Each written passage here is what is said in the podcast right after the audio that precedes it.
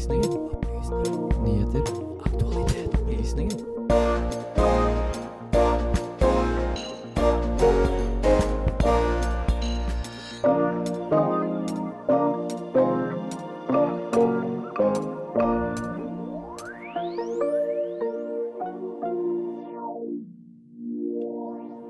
En hel sommer har gått siden vi Opplysningen sist satt i dette studio. Og i dag ja, oppsummerer vi sommeren 2022.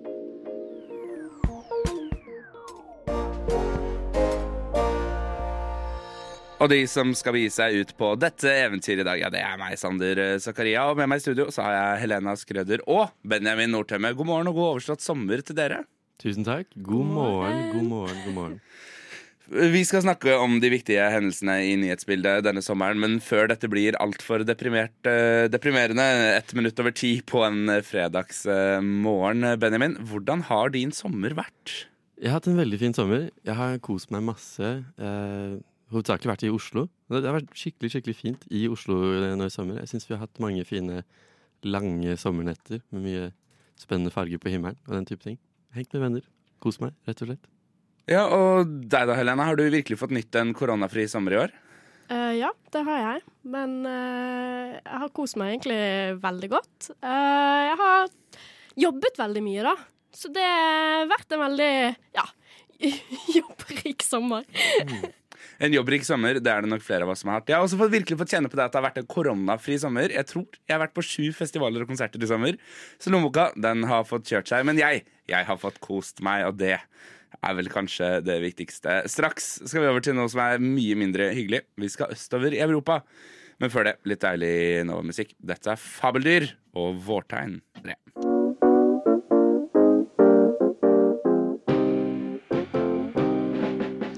på Radio Novas samfunns- og aktualitetsmagasin Opplysningen. Hver fredag fra klokken 10 til 11 på Radio Nova. Opplysningen på Radio Nova. Ja, det er helt riktig. Det er opplysningen på Radio Nova du har på øret ditt. Og idet vi driver og oppsummerer sommeren eh, 2022, og på onsdag så var det et halvt år siden krigen i Ukraina begynte. Og Benjamin Nordtømme, hva har skjedd i Ukraina denne sommeren? Det er et veldig godt spørsmål, og det er kanskje til og med litt vanskelig å vite hvor man skal begynne. Eh, For i utgangspunktet kan det være litt eh, Kan det virke som det ikke har skjedd så veldig mye taktisk på slagmarken de siste tre månedene, kan man si. Vi er vel definitivt inne i det man kaller krigens andre fase, der eh, russiske styrkers momentum har virkelig sakket ned, og det er ikke snakk om så store territorier som bytter hender, slik det var da, i, i åpningsfasen. Så det er kanskje den aller første viktigste tingen å ta med seg. Så siden vi har eh, hatt sommerferie og ikke vært tilbake her i studio, så har vi ikke kunnet kommentere disse tingene eh, som også har skjedd mm, ja, eh, på lik, eh, løpende basis, som eh, vi nå har mulighet til, nå som vi starter opp igjen.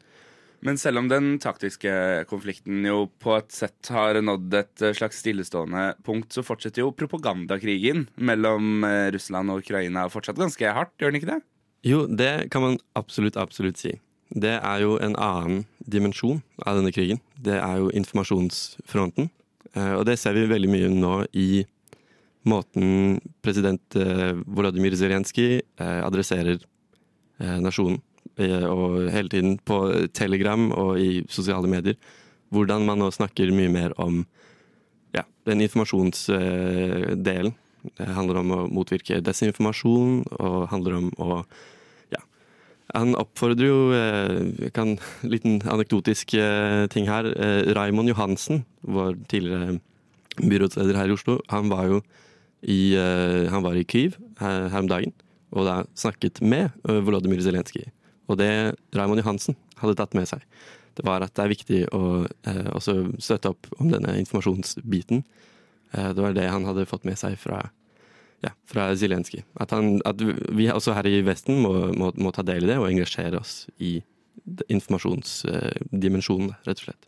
Men hvordan er det nå eh, på bakken for de sivile i, i Ukraina? Vi husker jo da dette startet, så var det flyalarmen gikk i Kiev hver eneste morgen. Hvordan, hvordan er dette nå? Ja, så på onsdag, som eh, mange har fått med seg, så var det jo Ukrainas eh, selvstendighetsdag, og da eh, seksmånedersmarkeringen. Den dagen ble jo eh, markert med eh, flysirener eh, nesten hele dagen. I samtlige provinser i hele eh, Ukraina. Ja, altså, Bare sånn at jeg forstår det riktig her. Markert i den form av at russerne angrep? Eh, ja, det var et par Altså, ja, kan si eh, I eh, Dnipro, som ligger ca. sentralt midt i landet, så var det et eh, rakettangrep som traff en togstasjon i Chaplin, eh, som ja, foreløpig har tatt livet av 22 mennesker. Og det er jo da på Ukrainas selvstendighetsdag. Som da er en stor, stor, stor kontrast til det da den russiske forsvarsministeren Sergej Sjajgu sier, at de sakker ned nå for å spare sivile tap. Det er nok ikke så sant som han vil at det skal være. Så nei, det er, det er klart at etter hvert som eh, krigen pågår, så får det mindre og mindre oppmerksomhet eh, utenfor landet. Det er klart at her i Vesten så er det helt mulig å gå en hel dag uten å eh, tenke på krigen, eller lese en eneste Ukraina-nyhet. Når det er desto vanskeligere hvis du befinner deg i Ukraina, og du hører luftsiren hele tiden. Så er det jo verdt å nevne også at byene som ligger litt nærmere den taktiske stridslinjen, eh, der er livet desto mer preget av eh, at det er en fullskala europeisk kontinentalkrig. At man i byer som Slovjansk og Kramatorsk, som ligger i Donetsk-provinsen, der er det vanskelig å få tak i mat og ja, alt som heter varer, ting, eh, medisinske supplies. Det er trengsel på det meste. Eh, der bor veldig mange De som ikke er evakuert ut eh, allerede, bor jo da eh, i hovedsak i bomberommene i kjelleren. I de ja, gamle, gamle sovjetiske byggene, som man finner mye av der. Men vi hører jo mye om eh, russernes eh, diverse la oss si det sånn, prestasjoner i denne krigen. Hva med ukrainsk side? Har de hatt noen store seire nå over sommeren? Du kan si for hver lille flekk med territoriet som man gjenerobrer, så feires det med stor entusiasme eh, i Ukraina.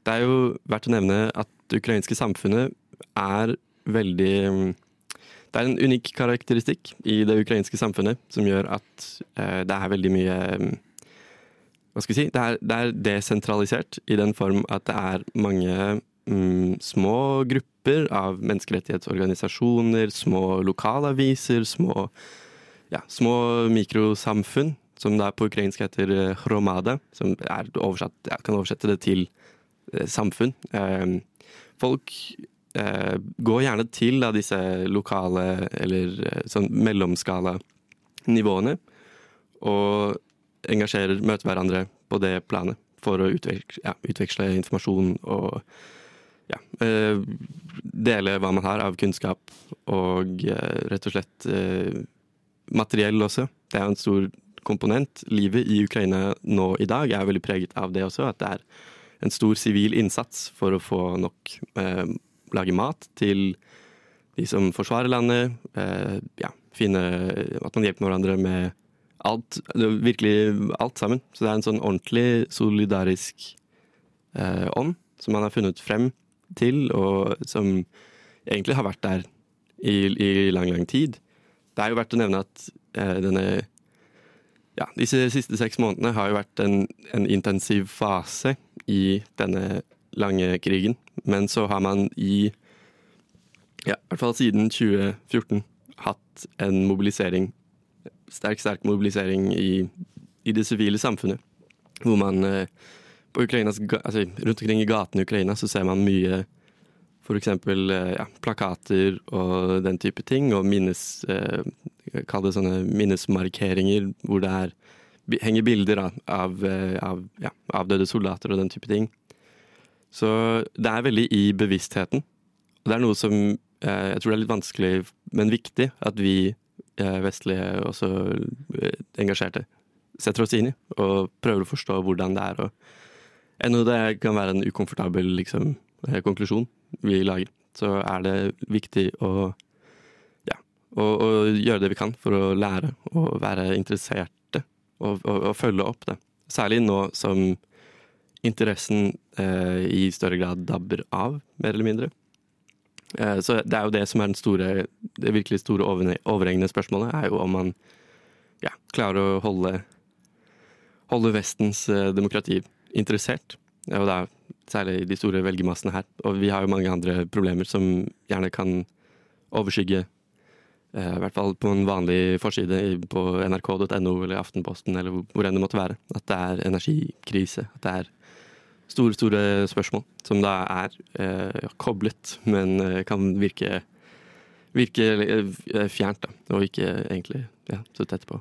Bare eh, kort til slutt, eh, Benjamin. Eh, hvordan ser dette ut om et halvt år? Er det da fortsatt krig i Ukraina? Det er jeg, million-hryvnia-spørsmålet. Um, det er nok få som vil eh, si ja, det, det virker som om de aller, aller fleste vil, vil svare ja på det spørsmålet. At det, det ser ikke ut til at ting er over med det første. Når det er sagt, er det jo ganske trolig at det kommer til å se helt annerledes ut, dog om eh, seks måneder. Den aller seneste, kanskje store, litt sånn makro Endringen som har skjedd, er jo at man har fått mer eh, ukrainske målrettet angrep i andre deler, som vi ikke har sett ennå. At særlig Krimhalvøya har blitt truffet av rakettangrep altså på russiske militære mål der. Som da har ført til en eh, ja, stor, stor, dyp eh, Ja. Eh, mm, på, I minste fall eh, misnøye, panikk, da, i ekstrem, eh, i ekstrem variant. At det er desto flere nå som flykter fra Krimhalvøya til, eh, til Russland. Tusen takk, Benjamin Nordtømme. Veldig informativt. Straks her i Opplysningen skal vi bevege oss langt vest. Vi skal til høyesterett i USA, men før det, det er vest. Og det er altså så provoserende at folk tror at vi tuller, men vi gjør ikke det, altså. Dessverre. Opplysningen på Radio Nova. Aldri redd, alltid balansert. Og i dagens aldri redde og alltid balanserte samfunns- og aktualitetsmagasin så oppsummerer vi sommeren eh, 2022. Og i sommer så ble den nesten 50 år gamle lovgivningen Roe v. Wade eh, avsagt av høyesterett i USA. Helena, hva bestemmer egentlig Roe v. Wade? Ja, eh, så Roe versus Wade, eller Roe mot Wade, eh, det har vært en eh, eh, dom en, eh, som har eh, sikret retten til selvbestemt abort for amerikanske kvinner. Og nå, etter 50 år, så har Høyesterett bestemt seg for å ja, oppheve denne dommen, da. Og det gjør sånn nå at eh, det er opp til hver enkelt delstat til å avgjøre om abort skal være lov eller ikke. Eh, og nå er det jo sånn at uh, i f.eks. i Mississippi, i Texas, i Alabama Nå er det faktisk ulovlig å ta selvbestemt abort. Og det gjør jo sånn at kvinner i disse statene at de må ja, kanskje reise til en annen stat da, for å ta abort. Og dette påvirker faktisk ufattelig mange kvinner. Og ja, det, det er egentlig ganske sykt at dette har skjedd. Eh, man skulle tro at eh, nå som vi er i 2022, at eh, vi ikke skal gå tilbake i tid.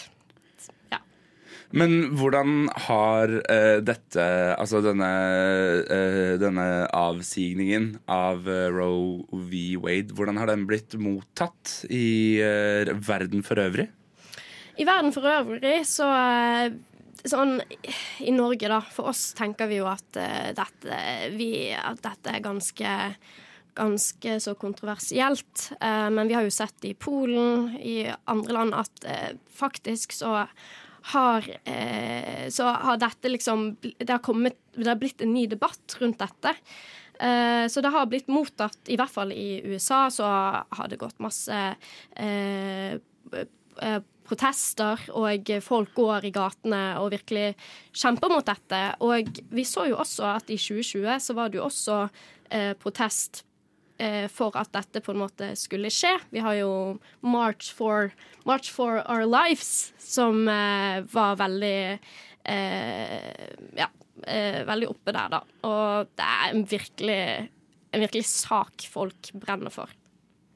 Ja, for vi vet jo at det også er midterm elections nå i november. Eh, og Helena, det har vel vært litt håp om at denne mm, eh, abortdebatten skal være en viktig drivkraft for det demokratiske partiet. At folk skal komme ut og stemme da på, på dem nå i de ulike delstatsvalgene nå denne, denne høsten. Hva, hva tror man om det? Nei, det er jo litt sånn at eh, ja, det er jo litt sånn rart Jeg tror folk syns det er veldig eh, rart. De blir litt sånn sure, på en måte. At eh, eh, demokratene, eller eksempel Joe Biden, sier sånn Nå, folkens, nå er det på tide å komme og gå ut og stemme. Når folk føler at det blir veldig sånn meningsløst at eh, Hvorfor skal man gå ut og stemme nå? Vi har jo stemt inn en demokratisk president. Og så er det veldig mange sånn Hvorfor kan ikke Joe Biden gjøre noe mot dette? Og det handler jo også litt om dette høyesterettssystemet som eh, USA har, da. Eh, eh, for eksempel amerikansk høyesterett, de har ni dommere. Og de utnevnes av presidenten og godkjennes av senatet. Og tingen er, som er ganske sykt, disse dommerne sitter på livstid. Og som det er nå, så vil de sitte fram til de dør. Eh, og eh, Donald J. Trump han uh, var jo uh, president, og han skjønte tidlig at for å sikre disse disse konservative stemmene, da, så måtte han få inn noen litt konservative dommere inn. Og han, i sin tid som president, fikk han inn tre nye dommere inn i Høyesterett. Eh, og den siste, eh, det var jo kom etter at eh, Ruth eh, Ginsburgs død i eh, 2020. Og da fikk han inn hun Amy, Amy Barrett. Og da fikk faktisk disse konservative dommerne fikk flertall i Høyesterett. Og det gjorde sånn at de klarte å få gjennom denne dommen mot Wade. For det er jo kanskje litt eh, paradoksalt da, i USA. Det er jo et svært eh, splittet politisk klima akkurat nå. Det er jo også eh, Mye av denne debatten handler jo også i kjølvannet av eh, at FBI har raidet eh, Donald Trumps eh, hjem i Florida eh, på leting etter noen svært viktige dokumenter osv. Men det jeg skulle kanskje si, paradoksalt nok, er nok 70% om jeg ikke bare tar det rett fra hodet, 70% av USAs befolkning er jo for retten til selvbestemt eh, abort. At det da skulle havne så skeivt, at disse da 30% da, tilsynelatende som enten er ubestemte eller eh, mot selvbestemt abort, skal da få sin vilje gjennom dette systemet, som da er veldig annerledes enn det vi har i Norge. At vi, vi har også en høyesterett, men eh, der er det ikke dommene virkelig rettskraftig på det samme måte, at det avgjør hva som er eh, hva som sikrer rettigheter osv. Er ikke det litt rart, Helene? Jeg synes det, det virker jo ikke veldig demokratisk, det her. Dette systemet som USA har. Eh, og i hvert fall når disse her At disse dommerne kan sitte til livstid. For meg høres det ganske så sykt ut. Eh, ja. Eh, ikke bare sykt. Ekstremt uh, mørkt, hvis det er lov å tillegge seg den uh, politiske meningen. Uh, Roe Wade, altså en, en stor endring i det demokratiske systemet i, i USA. Straks her i Opplysningen skal vi tilbake til vårt eget hjemland, og til og med til vår egen hjemby. Men før det, Kissy, 'Pretty When I'm Crying' På Radio Nova, som oppsummerer sommeren 2022. What did I think when Maduro took power? Well, he's a clown. Finne et litt mer, litt mer nyansert språk der. Jeg tror vi bare skal forstå det sånn at dette dreier seg om teknologi. Du hører på Radio Novas samfunns- og aktualitetsmagasin Opplysningen. Hver fredag fra 10 til 11 på Radio Nova. Det stemmer det, og det vet du jo selvfølgelig at du gjør, fordi klokka ja, den er eh, straks slagen eh, halv elleve. Og det er jo faktisk sånn perfekt midt mellom ti og elleve eh, sommeren. Eh, den oppsummerer vi her i Opplysningen 19,3. Og vi, vi, forholder oss nok dessverre litt i det mørke hjørnet fortsatt. For sommeren den startet brutalt her i eh, Oslos hovedstad da prideuken brått ble avlyst og snudd på hodet etter en skyting i Oslo. Hva er det egentlig som har eh, skjedd, Benjamin?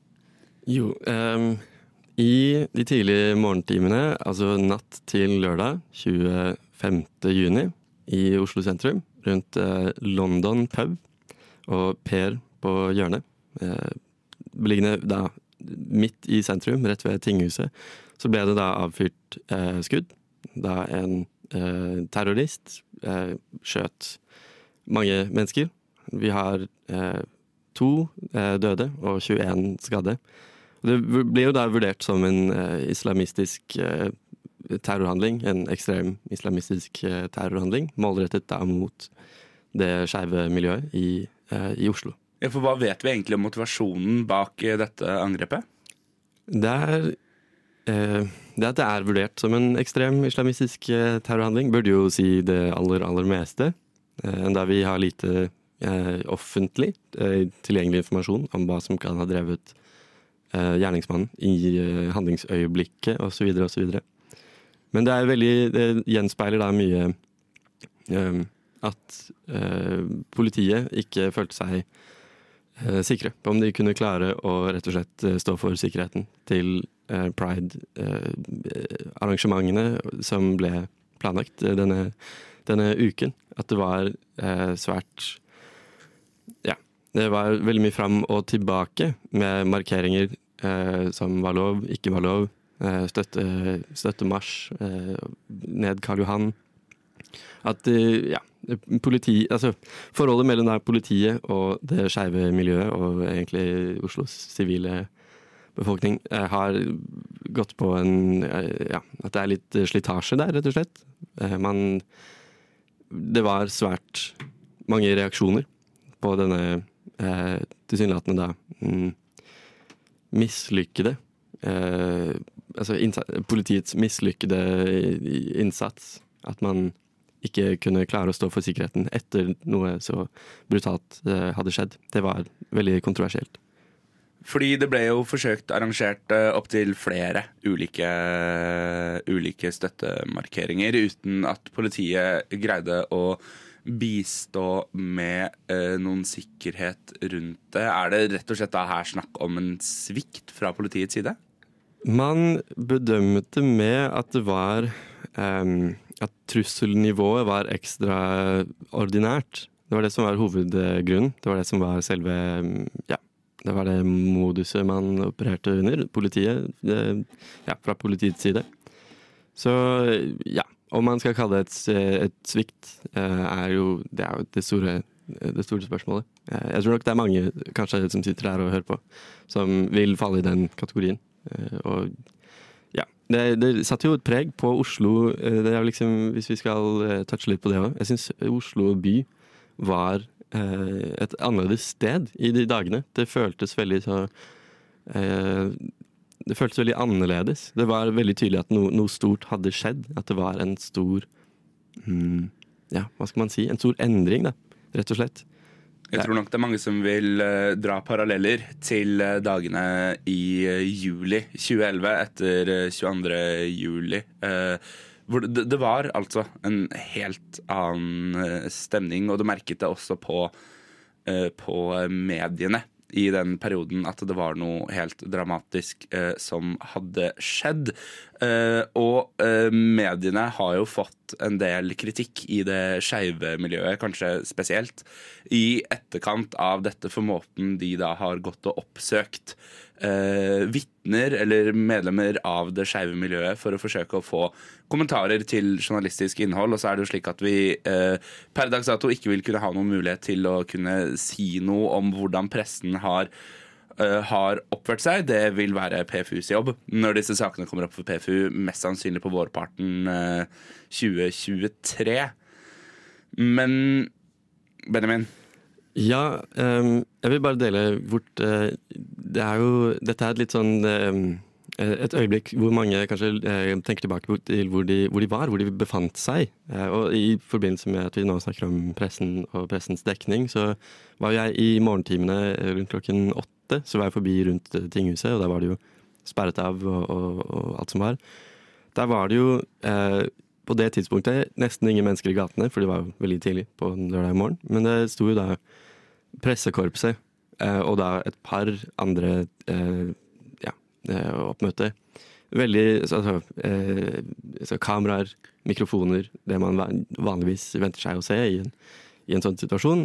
Og da kontrasten til etterpå, senere på dagen, da det var dette blomster... eh, Denne, altså svære blomster, Dette blomsterhavet som etter hvert vokste til, og da tilstrømningen av folk eh, gradvis ja, eh, gikk og besøkte da eh, så nærme åstedet som det var mulig å gjøre.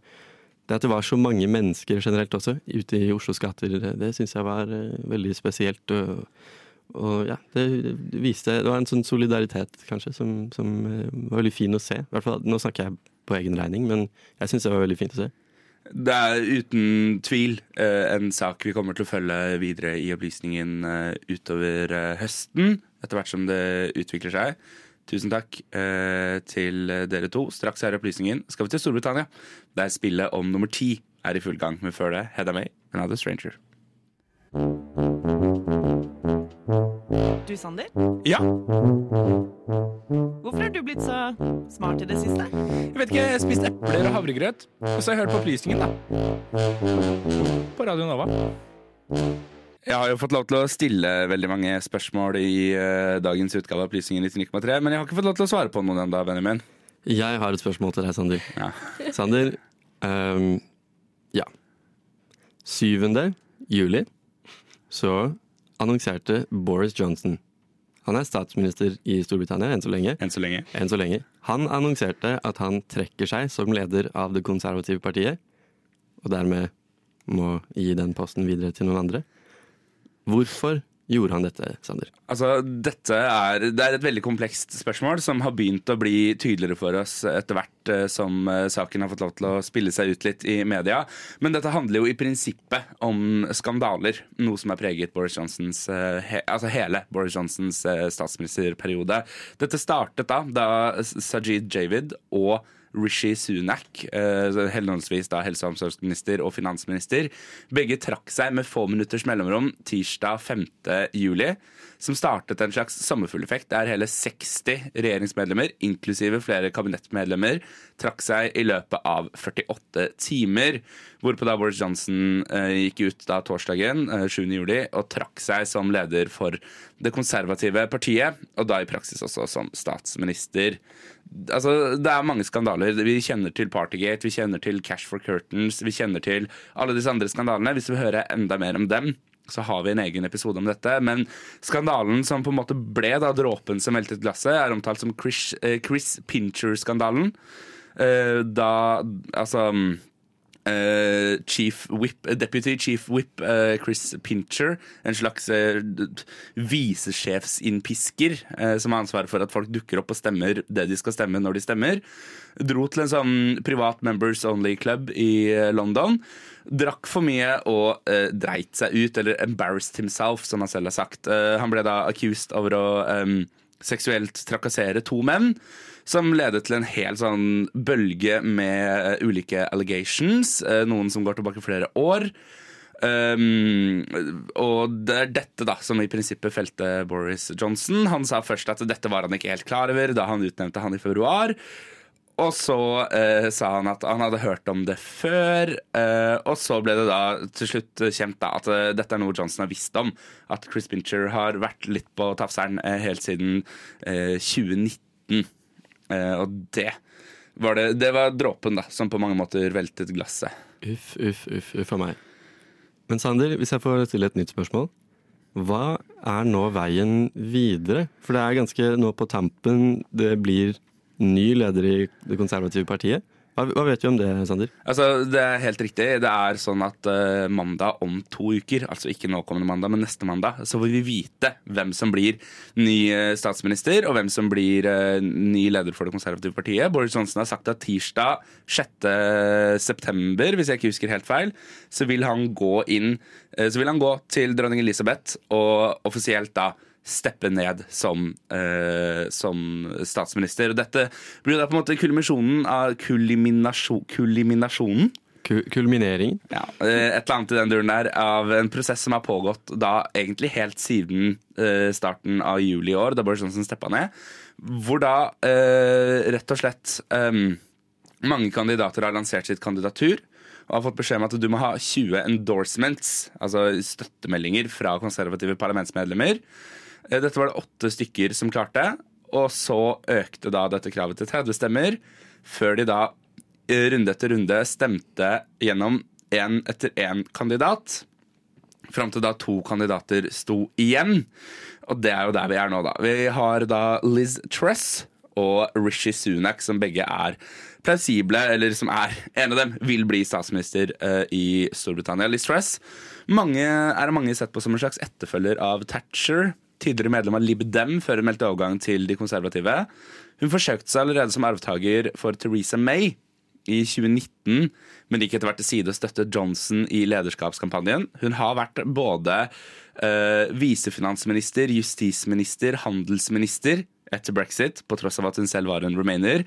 Og det siste året har hun også sittet som utenriksminister. Og hun er av de to den mest plausible kandidaten ifølge pollene. Uh, Rishi Sunak derimot er ikke mye yngre, det er fire år som skiller dem. Han er en andregenerasjons innvandrer med røtter i India og Øst-Afrika.